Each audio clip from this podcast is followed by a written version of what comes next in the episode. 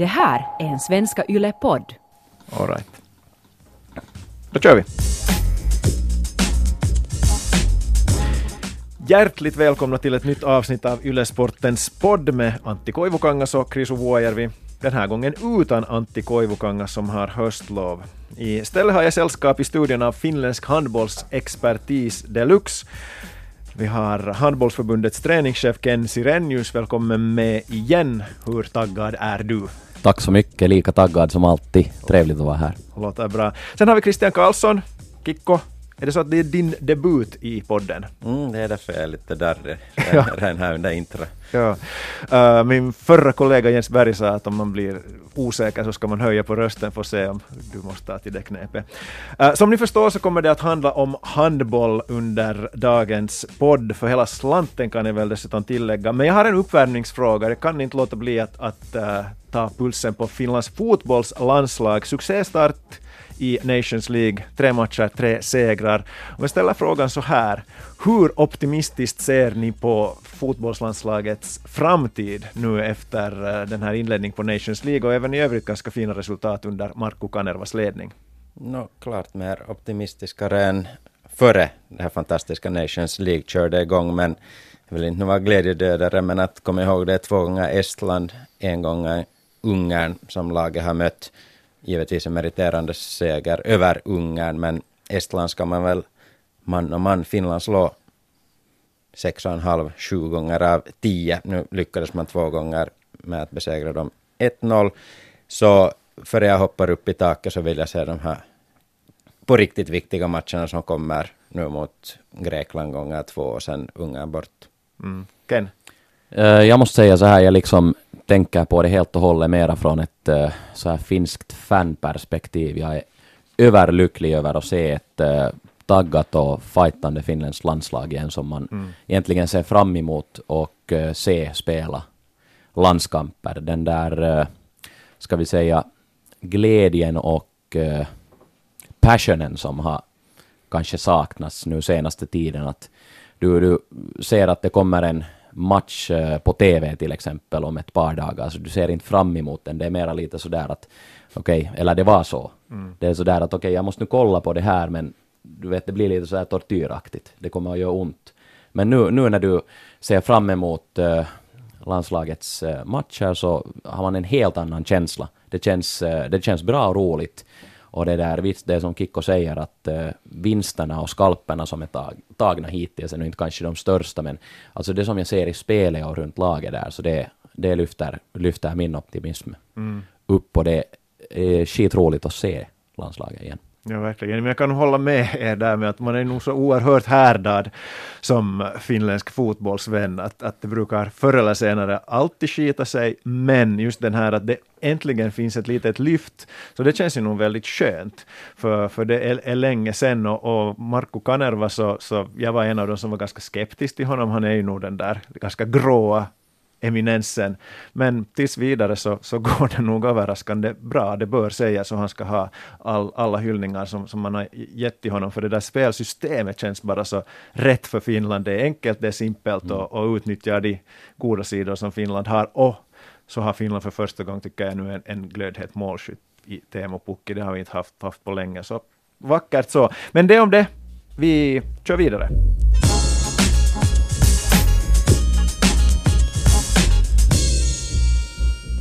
Vi sätter alltså in en högre växel, en handbollsväxel. Jag tänkte börja med att citera Handbollsförbundets strategi från år 2008. Det här hittar jag på Handbollsförbundets webbplats.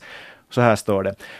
Och jag har översatt det här från finskan. Herrlandslaget ska nå EM-slutspelet 2020 och damlandslaget ska klara av att utmana toppnationerna.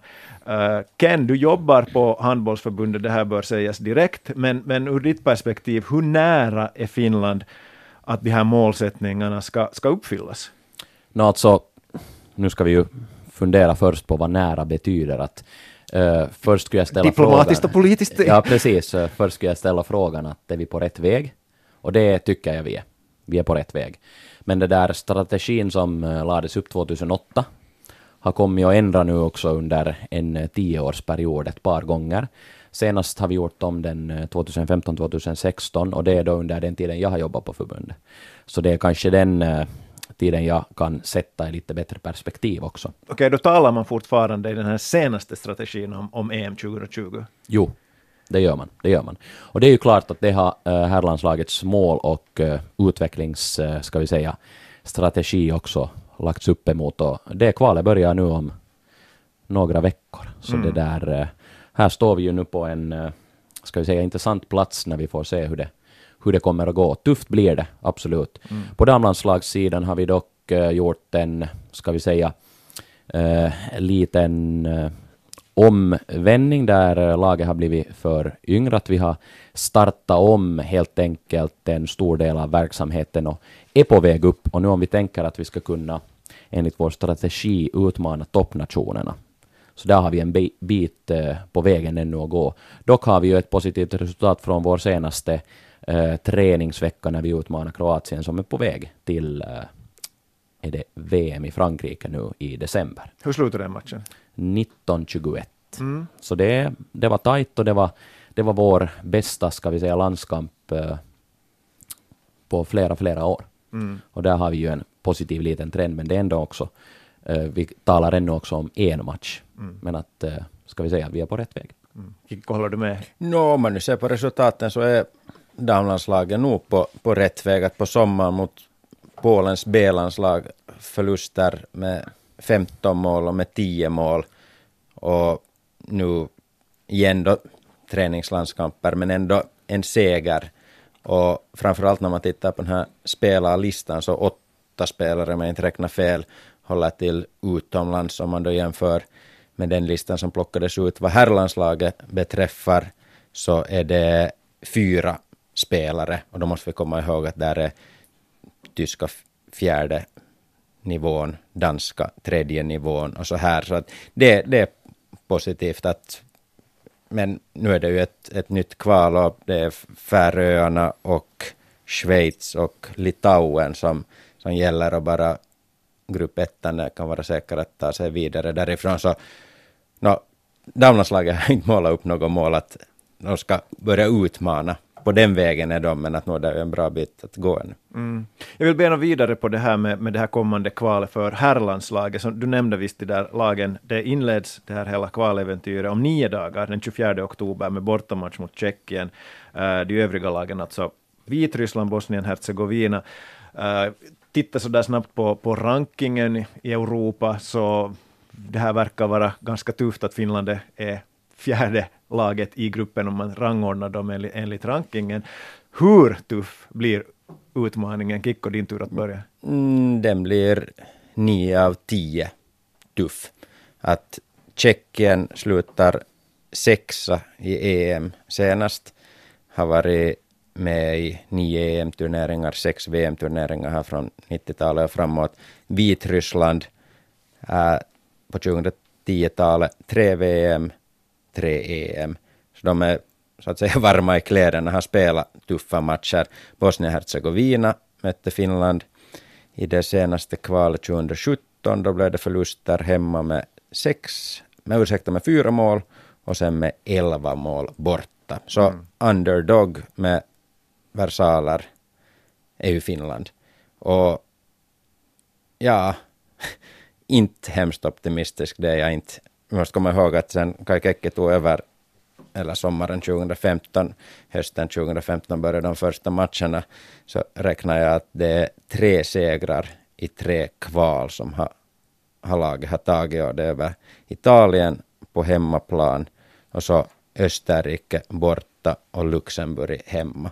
Så Italien, Luxemburg, ja, trevligt att vinna de matcherna, men en sån här stor seger den här fantastiska prestationen då för ett par år sedan borta mot Österrike, men det är ganska tunnsatt på den fronten. Påminn oss igen, uh, hur bör Finland placera sig för att man går vidare? Äh, Finland måste vara ett eller två, eller sen vara en av de fyra bästa grupptreorna, och det är ju det som landslagsledningen och förbundsledningen har hoppats på, att kanske till och med bara vinna en match skulle kunna räcka. Men skulle man ha fått så att säga en lättare motståndare från den här tredje sidningsgruppen, så då skulle det ha varit varit enklare. Men Bosnien och Hercegovina är ju inte något att leka med. Och, och kanske problemet just nu när vi kan väl räkna Tjeckien och Vitryssland etta, två. Men Bosnien-Hercegovina vet ju lika väl som Finland, det är Finland som är huvudmotståndaren. Och med fyra poäng från de två inbördesmötena så är man på god väg till, till EM. Jag vill minnas att det är så att de bästa treorna äh, får med sig poängerna som är tagna av de som placerar sig ovanför dem i gruppen. Så du måste ta poäng av ettan och tvåan i gruppen för att få med dig då poäng till den här rankingen om bästa treorna. Så det, det är en eh, tuff uppgift oberoende vem som står trea i den här gruppen. Men att det där jag tycker att, helt som Kikko säger, gruppen är stentuff, absolut. Eh, jag kommer ihåg, vi följde med lottningen och eh, Estland och Finland var på de sista platserna och lottades in och Estland lottades in i en kanske lite lättare grupp då. Och eh, vi fick en stentuff grupp i den vi hamnade i.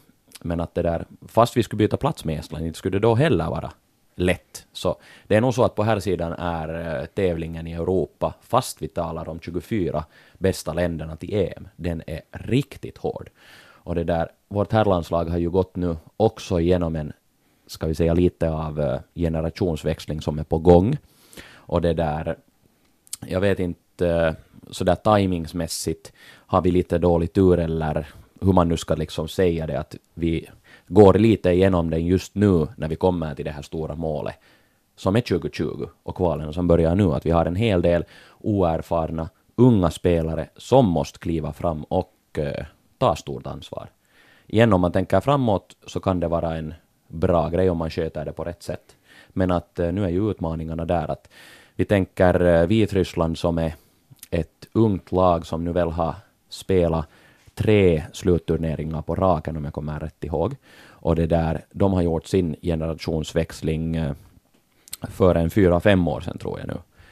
Och det där eh, småningom i och för sig, att inte, inte på ett, men att eh, ta, plocka in en och två unga spelare till. Och det är ett lag fullt med unga, hungriga spelare som nu redan har placerat sig ut i uh, liksom topp sex-ligorna i Europa. Så Vitryssland kommer att vara ett lag, jag tror att kommer att stiga i Europa-rankingen de nästa fem, sex, sju åren. Mm. Otroligt mm. mycket. Och det där, så har vi Tjeckien som också placerar sig jättebra i EM i Kroatien. De har lite äldre spelare och det där, där om vi tänker på till exempel en spelare som Horak, så du vet, man är 36 år, jätteviktig för landslaget. Det kan hända att uh, man inte är med på grund av en skada i landslaget, så har de ett par till i samma, samma vad heter det nu, kategori. Du fäller bort uh, två, tre av de här stöttespelarna i Tjeckien som gick på jättestora minuter i EM. Så då har de ett uh, lite annorlunda lag där också. Så allt är, ju, allt är ju på det sättet möjligt att det där... Man vet aldrig. Mm. Sen Bosnien har Bundesligans hetaste målvakt i Benjamin Buric till exempel och eh, en hel del andra spelare också som är på väg upp i sin spelarkarriär. Så det, alltså, det är en grym utmaning för vårt landslag. Mm. Jag kan inte låta bli att ta fasta på det när du säger att, att de här vitryssarna har sökt sig utomlands och till, till större ligor. Samtidigt säger du Kikko att då du jämför det finska damlandslaget med herrlandslaget, att, att vi har fler damer utomlands än herrar. Är de finländska herrarna inte attraktiva för utländska klubbar eller är det någon form av systemfel? Borde vi sälja våra herrspelare bättre eller vill de inte ta steget? V vad beror det här på?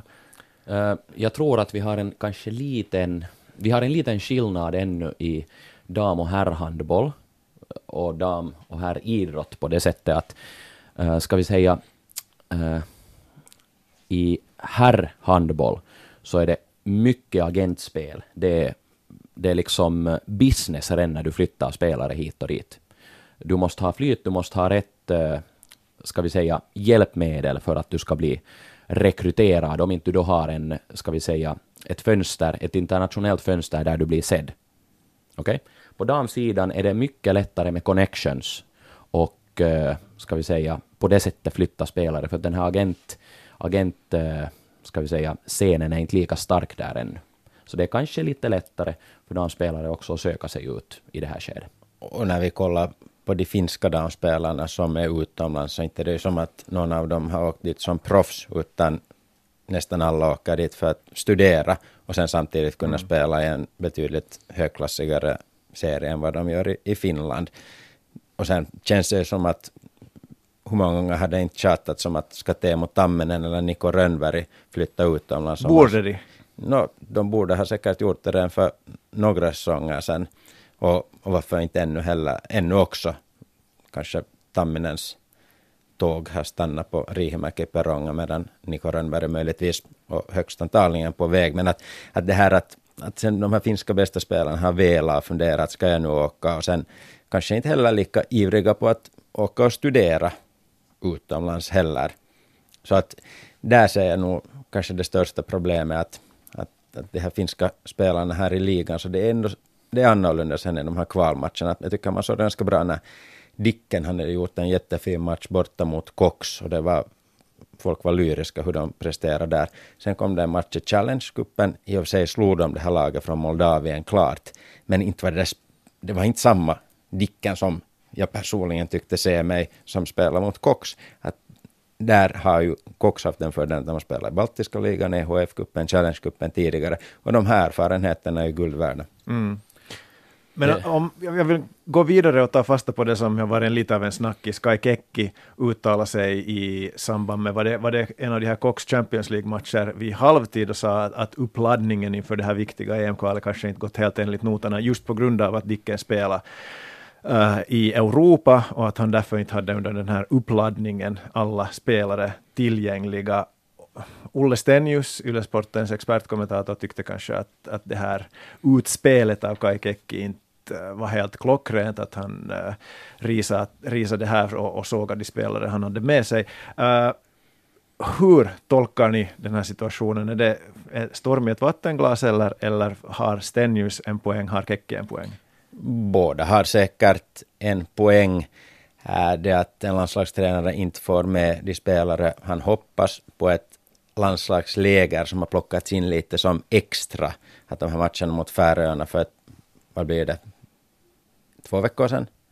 Så det var väl någonting som förbundet valde på våren att, att satsa på att hej nu startar det här viktiga 2020-kvalet, nu ger vi lite extra tid, ett extra läger och då om, om det nu är sex, sju eller åtta Dicken-spelare som ska vara på plats där och de inte kan på grund av att då de här tidtabellerna krockar och det ska säkert om vi skulle ha både från förbundet och, och Dicken-folk här, så det finns säkert en fyra, fem olika åsikter varför det blev så.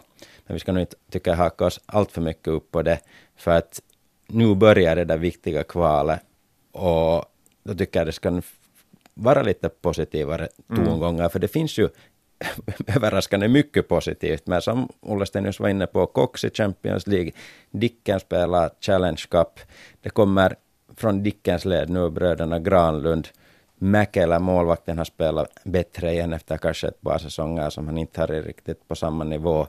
Så, och en tycker jag viktig grej är att Finland är inte ett topp 24-lag. Det är inte en katastrof om det inte tar sig till EM. Fast det har varit om det är sen då från 2008 eller 2015 den här strategin. Det måste vi komma ihåg.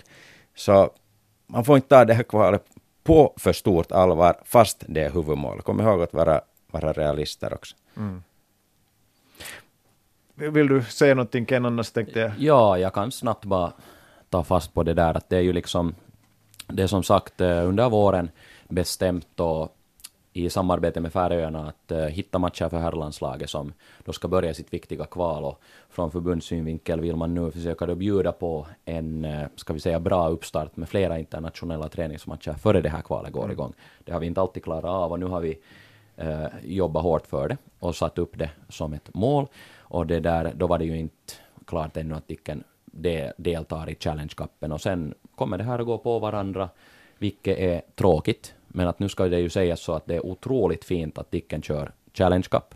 Okej? Och eh, det är att landslaget försöker satsa på, ska vi säga, en bättre förberedelse för det här viktiga EM-kvalet. Nu är det mera frågan om det att vi i handbollsfinland ska kunna samarbeta och eh, kommer, komma över de här problemen. Det här har nu hänt och nu ska vi blicka vidare.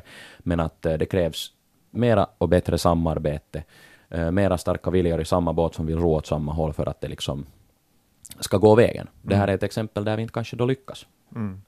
Uh, Teemu Tamminen, en av den finländska handbollens fickstjärnor, så meddelade här för några veckor sedan att nej, nu avslutar han, han, eller det kom kanske då via förbundet att han inte är med i landslagstruppen och jag vet inte, tolka vi medier fel att han har slutat sin landslagskarriär, men sen kom då kovändningen, han är tillbaka igen efter ett samtal av, av Kai Kekki. Så upplever ni att, att Teemu Tamminen är helhjärtat med nu? Tror ni att, att då han en gång fattat det här beslutet, att, att nu är han hundraprocentigt helhjärtat med? Jo, alla som har sett Teemu Tamminen någonsin spela handboll så vet ju att han är en, en vinnarskalle. Gör det mesta för att stå på den vinnande sidan efter att matchen är, är slut. Och det här har han gett tummen upp att vara med, så det är klart att han är hundraprocentigt där. Sen det här med att tränare Kekki har sagt att man antingen med så att säga en hel säsong, ett helt kval som nu i det här fallet ska ha varit från hösten 2018 till våren 2019 och han var inte med mot, mot Färöarna, så då är det ju helt logiskt att folk i handbollsfinland tolkar det som att okej, okay, Tamminen är out, men Tamminen sa ju aldrig själv att landslagskarriären är, är helt över. Att det var ju nu är det ju lite märkligt, men äh, om jag nu ser som så här att Finland ska ha bästa laget, så då är det ju riktigt bra. Frågan är ju sen att vad tycker de här 15 andra landslagsspelarna att det är ganska ofta oklart att en viss Teemu Tammen är med eller inte och det kan ju tära på och är garanterat frustrerande för vissa. Mm. Ja, nu är det väl, nu är det väl lite så att uh, då när Teemu Tamminen lägger på spelskjortan när det Finlands landslag eller kock så då är han där inne och kör 100 procent. Det, det tror jag inte. Ibland lite över också. Ja, men det, det, det är så. Och det där, det, där det, det är ingen tvekan om att om han är med så då är han 100 procent med. Sen det där, allt det här eh, mediasnacket och uppbygg, uppbyggning av lite drama, att han hoppar av och är han inte nu med. Behöver vi inte sånt också? Nej, lite? Det, no, jo, kanske vi behöver, men jag, jag tycker det är lite tråkigt. Jag okay. tycker det är lite tråkigt att det där... Eh, Framförallt för det handlar om en kille, ja. alltid. Ja. Okej, okay, det här... Finns det en chans att Jack Karlsson kommer tillbaka? Det ältar man en gång i året. Men sen att det här med Tamminen känns som att det är tre gånger i år och det är kanske två gånger för mycket för mig. Mm. Ja. Men att vi ska säga så att Teemu Tamminen har flera, flera tusen kilometer i kroppen på handbollsbanan. Och det, där, det kan hända att han i något uh, skede diskuterar på ett sätt och ger ett beslut som då kommer ut. Så går han tillbaka och säger att nå, vet du, jag ändrar mitt beslut nu och nu kör vi igen. Mm. That's it. Så spelar vi handboll. Yes. Mm. Hej men damlandslaget då, uh, om en dryg månad om jag minns det rätt så möter damlandslaget Färöarna, Schweiz och Litauen i VM-kvalet. Ken, du är assisterande tränare i damlandslaget. Hur ser ni på de här kommande matcherna? Om det var tufft för uh, herrlandslaget i EM-kvalet, hur tufft är uh, det här kvalet för damerna? No, nu är det ju tufft. Vi ska ju komma, komma ihåg lite varifrån vi kommer. Vi har ju senast eh, spela spelat tävlingsmatcher i Grekland, där vi förlorade mot Grekland och Färöarna och missade självaste EM-kvalet. Och det där, nu kommer vi då in på våra nästa tävlingsmatcher. Så det där, om vi tänker tävlingsmatcher kommer, kommer vi ju från noll. Fast nu har vi en mycket bättre förberedande uppbyggande period bakom oss och laget har tagit flera, flera steg uh, framåt i en mycket fin riktning. Plus att vi har nu också spelare som går bra ute i tuffare ligor och unga spelare ännu. Så man ser ju liksom framför sig nu en helt klar utvecklingsstig. Men så om vi går in på det här kvalet som kommer, så Färöarna ska vi ju absolut ta revansch på.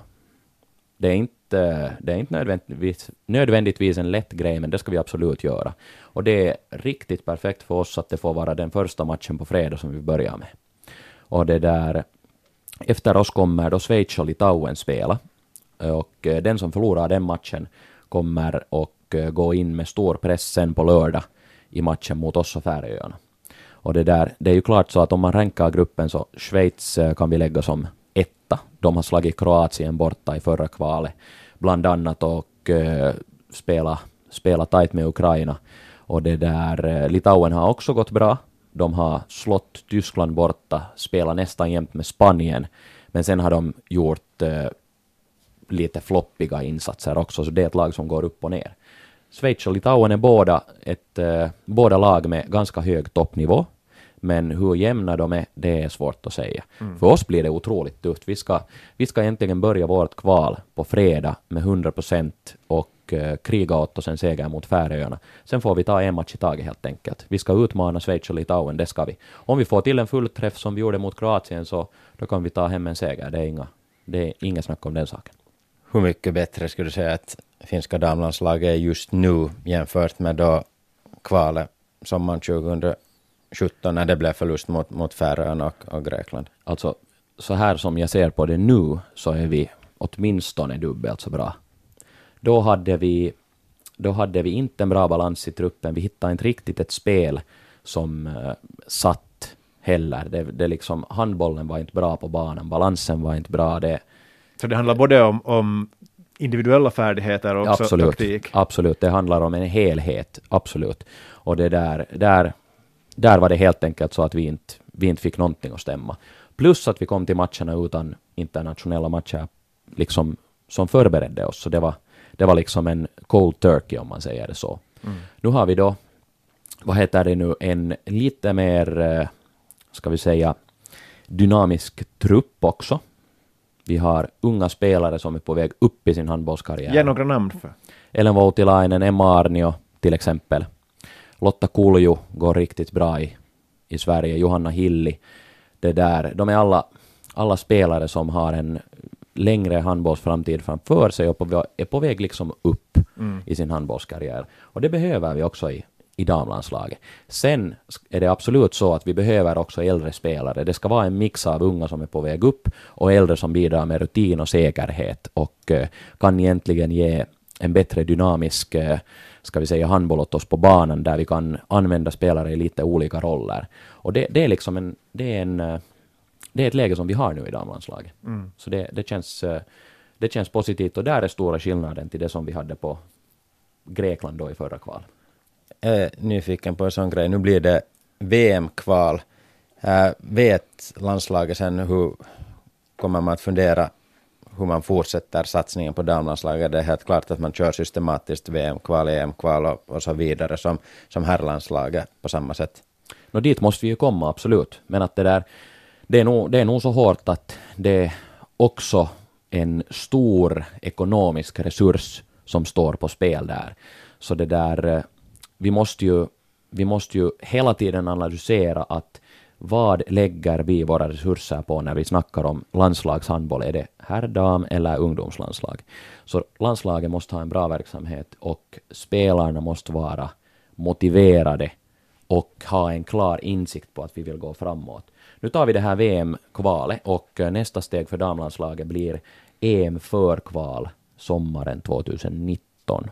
Det blir troligen ett förkval igen för att eh, det ställer upp tillräckligt många lag i Europa och vår ranking är tillräckligt låg för att vi, vi ska då hoppa in och börja med ett förkval. Och ska vi säga att eh, om vår kurva går upp så bra som det går nu så ska vi ju slå oss vidare från det förkvalet och sen spela EM-kval igen. Ja, det är det jag menar att, att nu om det nu inte ska gå vägen i Schweiz så vet åtminstone landslagsspelarna att hej, det här fortsätter, att det är inte så att vi, vi kollar sen på höst, eller liksom vid jul att, om det fortsätter eller inte, så det är nog, och varför inte när det är, som Ken är inne på, lite yngre spelare, så de behöver ju de här, Mm. de här tuffare matcherna. Vi har en Och, klar- och morötter också satsa. Vi har en klar utvecklingsplan för Ja. damlandslaget och där, där går vi bra för tillfället. Hej, Jag kan inte låta bli att avrunda den här första halvleken med en allmän fråga kring båda, herr, båda landslagen, båda seniorlandslagen, äh, damerna och herrarna. Äh, om, jag upp, om jag uppfattar det rätt så är ett dilemma för finländsk landslagshandboll att vi har kanske saknat de där stora fysiska pjäserna. Har vi dem nu? Finns det liksom på, på, på kommande spelare, både på dam och herrsidan, som är tillräckligt stora? För, för korrigera mig om jag är fel, så Finland har förlorat en hel del i fysik under tidigare kval. Nu, nu ser det bra ut på herrsidan om vi börjar där. Vi har unga spelare som mäter måtten. Det där, när vi talar om fysik och storlek eh, tycker jag att vi då kan börja snacka runt försvaret och hur vi klarar vår försvarsuppgift i en handbollsmatch som tar 60 minuter. Så ska vi också ha spelare som klarar av att spela boll, helt enkelt. Gärna lite större sådana med en mix av lite mindre som ger speed. Särskilt han, herrhandbollen domineras ännu mycket av fysik. Och det där, där har vi helt klart spelare som är av rätt kaliber också på väg åt rätt håll, men det kommer ju att ta ett par år Mm. före de kommer upp. Sen Någon annan än Granlund? Eh, ja, vi har ju Granlunds, Granlunds är nu kanske det exemplet som man kan lyfta fram där först. Mm. Det är helt klart. Eh, om vi tänker damhandboll och damlandslaget, eh, det skiljer lite på fysiska, fysiska ska vi säga, parametrarna om vi tänker dam och herrhandboll. Damhand, damhandboll är eh, lite mera på speed och teknik spelat nu internationellt än storlek. Vi tänker norska damlandslaget, deras 9 meters uppställning, där är två spelare under 1,70 långa och en spelare som är 1,75.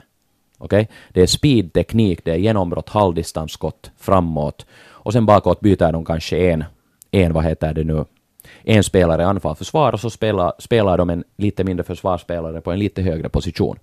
Så där har vi ju i damlandslaget ska vi säga, en tillräckligt bra stomme med storlek, eh, tänker Ellen Voutilainen, och eh, sen också speed att lägga till, till därpå. Så där säger jag att vi är, vi är ganska bra, bra, vad heter det nu, uppställda. Jo, ännu om vi ser på herrlandslaget så när motståndarna har förstås kollat på olika videoupptagningar, men där under uppvärmningen, så under årens lopp här som du Chris var inne på, så inte det är ju folk som har fått kaffe eller te eller vad man har druckit där när man kommer till hallen i Vrångstrupen, när man har sett det finländska laget. Att nu är det ju liksom, det är ju ett litet problem nu att okej, nu när det ska nämnas namn så säger jag också som Ken, liksom bröderna Granlund. Sen har vi sett att Niko Rönnberg, som kanske inte i stora publikens ögon är någon jätte, var han lite på en, eh, en och 90 ungefär och 95 kilo kanske. Så han klarar ju sig i de här internationella matcherna, så att där har vi en som liksom börjar vara på rätt nivå, men som skulle ha sagts tidigare skulle kunna vara betydligt fler.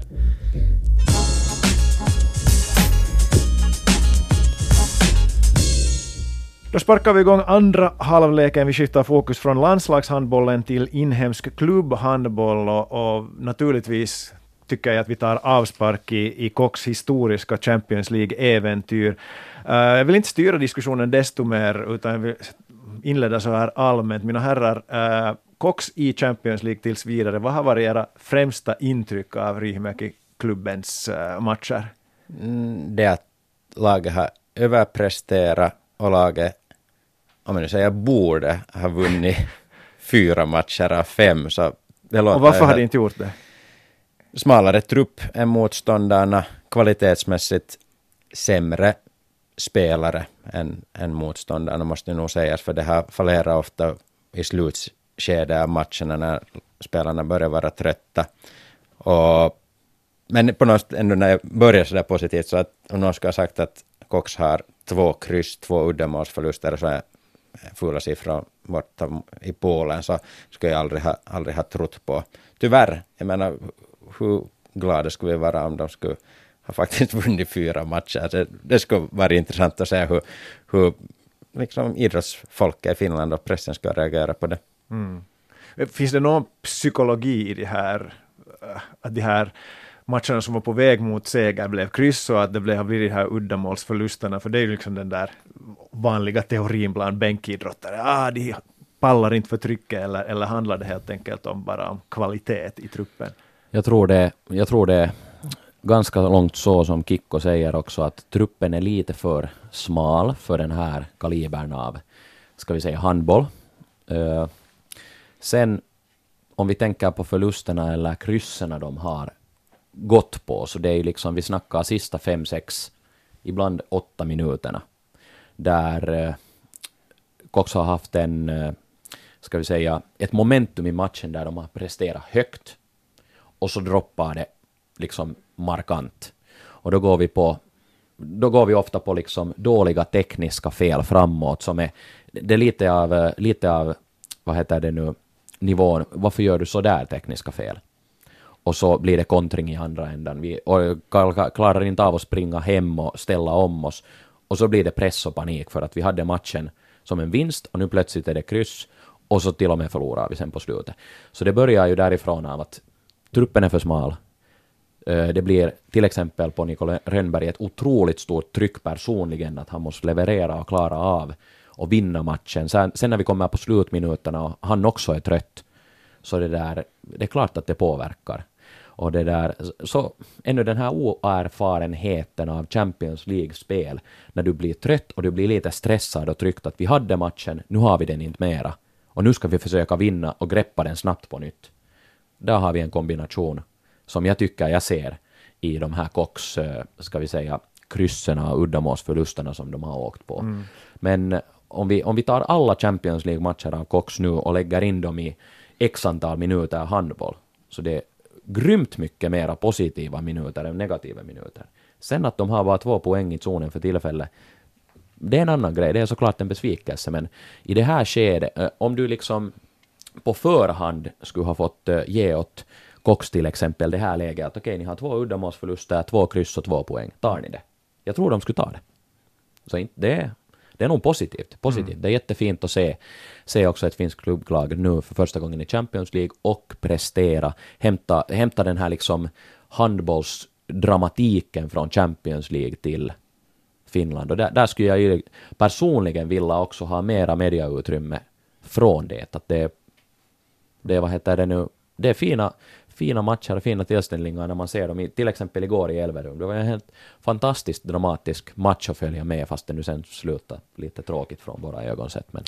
Ja. Vad ger det här då för finländsk handboll, utöver då att, att vi talar här om det och, och det sänds på, på Yles kanaler, men, men så där om man talar om det tävlingsmässiga så, så kan vi kan finländsk handboll skörda någon form av frukter av, av det här Champions League-äventyret i framtiden? Det måste vi ju kunna. Vi har, vi har en eh, handbollsscen och x antal handbollsutövare i Finland och nu hämtar vi Champions League till hemmaplan till Finland, där vi liksom ser våra spelare spela Champions League, inte på EHF-TV eller på, du vet, eh, någon mediabas, utan här live. Mm. Det, är ju, det är ju någonting man måste kunna ta fast på, mm. absolut. Men det är ändå ganska, sist och slutligen, få finländare i nyckelroller. Det, det spelar ingen roll, eller? Nej, det, det, vad heter det nu, man skulle kanske önska se ett par finländare till där. Men att vi tänker på Cox som lag. Vi har eh, viktigaste spelarna i laget är finländare, Niko Rönnberg, Teemu Tamminen till mm. exempel. De bygger stommen och ger vinnarskallen och mentaliteten till laget. Så går vi in till Bukarest eller Wisla Plock till exempel, hur många polacker eller rumänare är där i den rollen som bär fram och vinner laget. De är inte många. Och det är så för flera handbollslag som spelar Champions League i Europa, som kommer lite från samma läge som Cox. Inte det liksom fullproppat av egna landets talanger, utan det, om de har ett par, kanske tre till och med, det är ett guldläge för dem. För att sen om du vill tävla på handbolls eh, ska vi säga, nivå i Champions League och du är ett lite mindre handbollsland, då måste du ta in spelare som klarar av den kvaliteten. Och det är också en lång process. Det är att vi nu har där finländare som bär laget. Det är det viktiga. Mm. Uh, vi har pratat den i snart 40 minuter, men jag kan inte låta bli att, att ta fasta på, på den här inhemska ligan och FM-serien. De är förstås båda förstås i sin linda, men om vi tar damerna först. Uh, det har ju varit en finalserie här nu de senaste åren mellan Helsingfors IFK och, och Dicken. Finns det något som talar för att det inte skulle vara samma lag i final igen i vår? Frågetecken. Nej, svarar jag, men Ken har kanske sett mer av, av sjunde har de en chans att utmana. Just nu känns det som att det är IFK och Dicken tio gånger av tio. Ja, då är min följdfråga om det är så här uppenbart, någorlunda uppenbart, att uh, ett hur stort dilemma är det för FM-serien och finländsk damhandboll, att vi har två som är tydligen lite, eller till och med mycket, ovanför de övriga?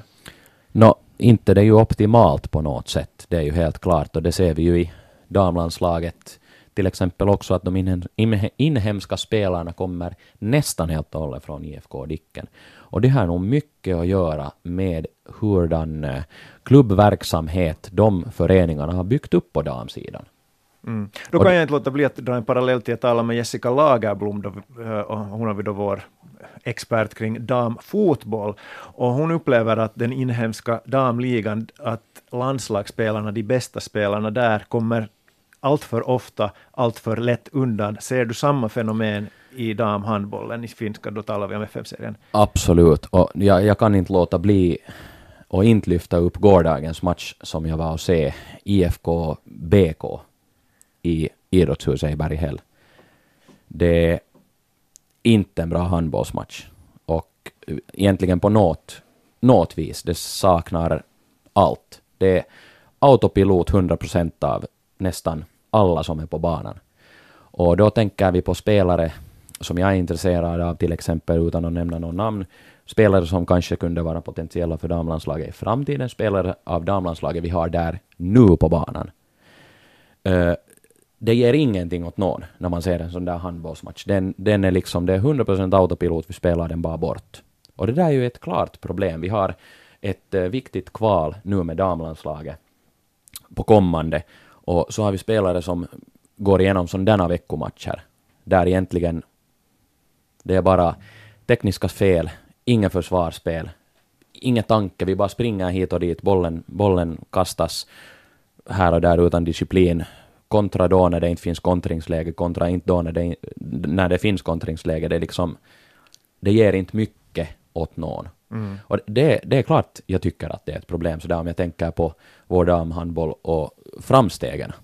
Och vi ser på serien, så där är helt klart nu då Dicken och IFK som flera år har haft en bättre verksamhet på damsidan och klubbsidan. Och det ser man klart. De bygger upp en verksamhet som håller en viss nivå och spelarna kommer in i den och jobbar lite långsiktigare.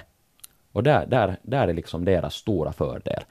Uh, Sjunde och BK då till exempel där bakom uh, det är kanske, de har ett lyft i båda lagen nu, men vägen är otroligt lång ännu och hittar till exempel en sån nivå som de, Dicken och IFK har för tillfället. Mm. Men att vi skulle ju hoppas nu att föreningarna då tar det där jobbet och gör det också långsiktigare och hittar mera kvalitet in i, in i klubbvardagen, ställer högre krav på spelarna också, så att också spelarna själva börjar ställa högre krav på sin egen träning och uh, tävling.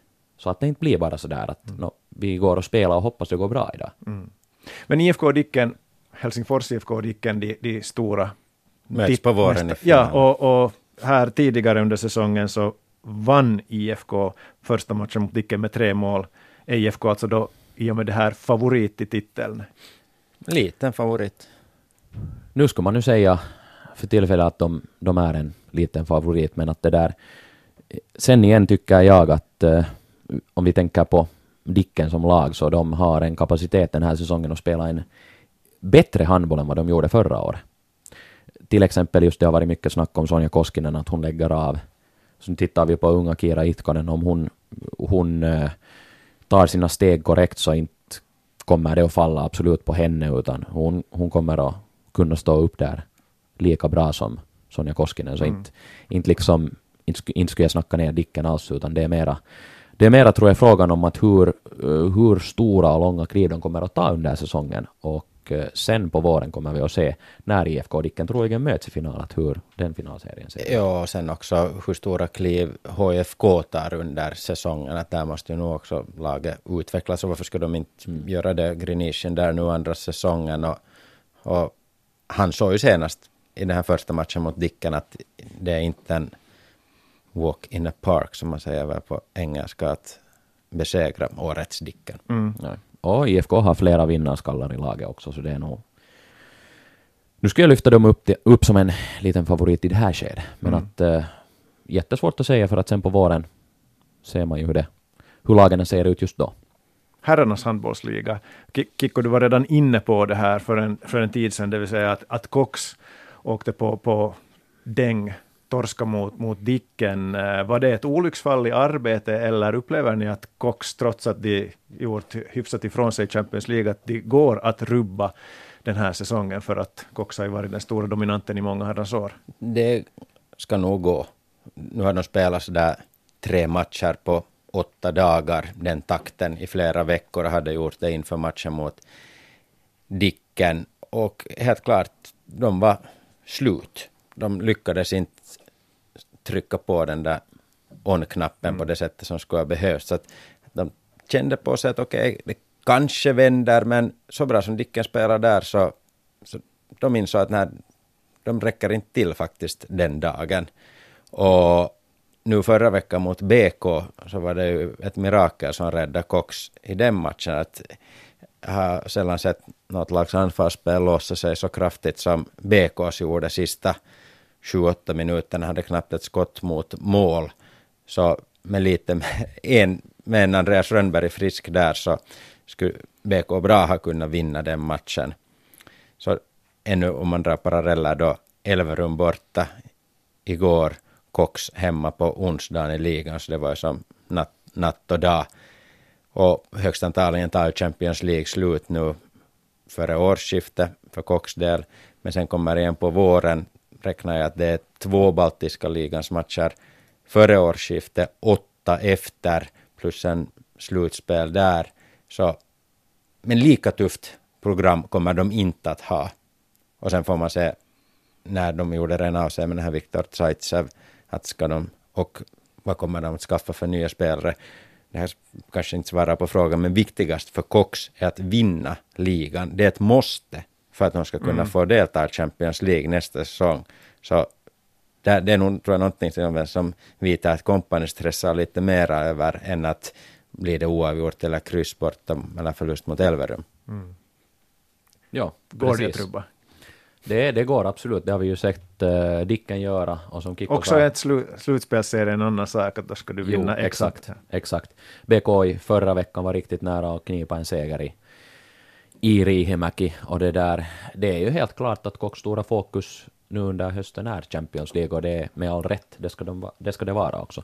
Men igen som Kikko säger att nu ska de ju klara av att vinna ligan sen på våren för att gå vidare och där har de ju all press på sig. Det är de som kommer in med, vad heter det nu, det bästa laget och de största resurserna. Men att här, här måste jag nog säga att det är jättefint att se hur herrligans nivå har gått upp, upp de senaste säsongerna nu. Uh, vi tittar två, tre år tillbaks var det på riktigt inte riktigt någon som klarade av att utmana Cox, kanske en match här och där, men inte, inte som Dicken till exempel förra våren utmana Cox på riktigt. Så där har vi ju en markant eh, nivåhöjning på här sidan nu. Vi har topp tre, om jag räknar så där snabbt, eh, Cox, Dicken, BK. Där är egentligen matcher i det här skedet av hösten där alla kan slå alla. Sen har vi mellanskiktet därefter, jättejämnt, där också alla lag kan slå alla. Om vi tänker sådär handbollsmässigt, kvalitetsmässigt, så är det nu högre än vad det har varit på flera år. Där är flera lag som har en bra verksamhet och också har jobbat med att utveckla lite läng längre, längre, vad heter det nu, sin, sin vad heter det nu, här, här eh, ligahandboll. Och det har nog gett ett stort lyft i den, på den biten. Men att nu är det ju så att Cox är klar favorit och det kommer de att vara också. Mm. Något annat ni vill lyfta fram som har hänt under de första fyra omgångarna? Överraskningar, positivt, negativt? Ja, alltså jag, jag, ty jag tycker själv att det har gått ganska, ganska långt som man har funderat ut och sett det att en liten överraskning då att till exempel Helsingfors IFK har gått så bra. Nu, var, nu gick de på en riktig mina mot Dicken i helgen, men före det har de gått, gått ganska bra. Och det där... Eh, Ja, sen kanske överraskningen där att Dicken slog Cox borta, men när man såg den matchen så inte... Då i matchen kändes det ju inte som något konstigt, utan Dicken var helt klart bättre. Mm. Nej, det är ju helt att han har liksom 20-25 måls segrar har ju lyst med sin frånvaro. Att då Pargas och Hange har liksom gått lite framåt. De har ju förstärkt båda. Så, så att det är ju en, som kan säga, en, en jämnare liga över, överlag. Mm.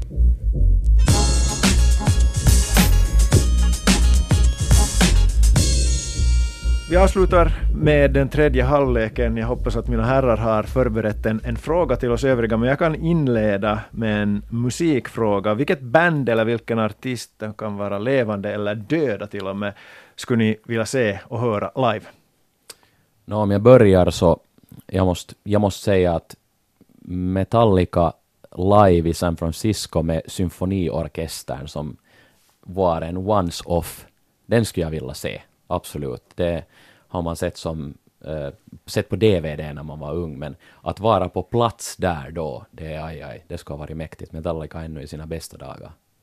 Kikko. Bruce Springsteen and the E Street Band. Inte någon skillnad 70-tal eller 80-tal eller 90-tal eller idag, all, allt skulle duga.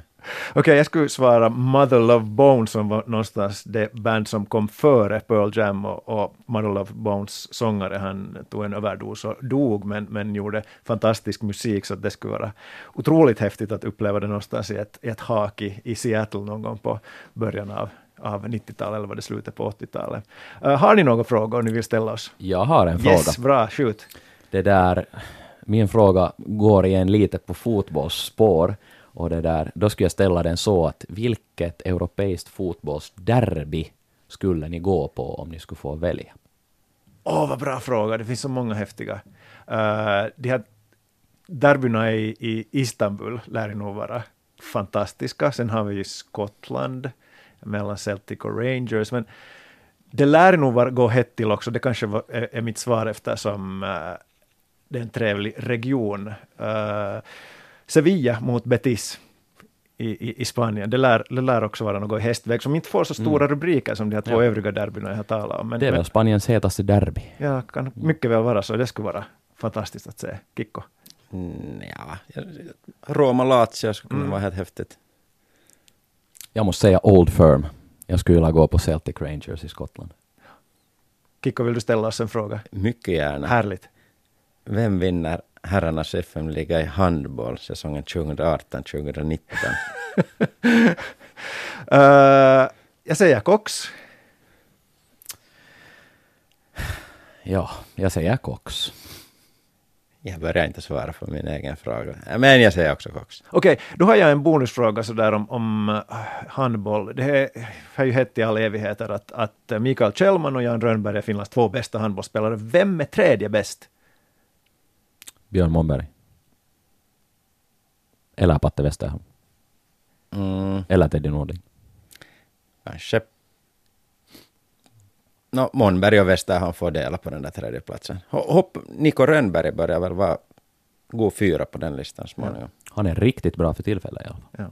Jag skulle också svara Björn Månberg utan att ha följt med handboll lika mycket som ni. Men hej, det här var Handbollspodden för den här veckan. Nästa vecka är Antti Koivukangas tillbaka. Som vanligt, ni hittar oss på Yles Arena, ni hittar oss på iTunes och på Spotify.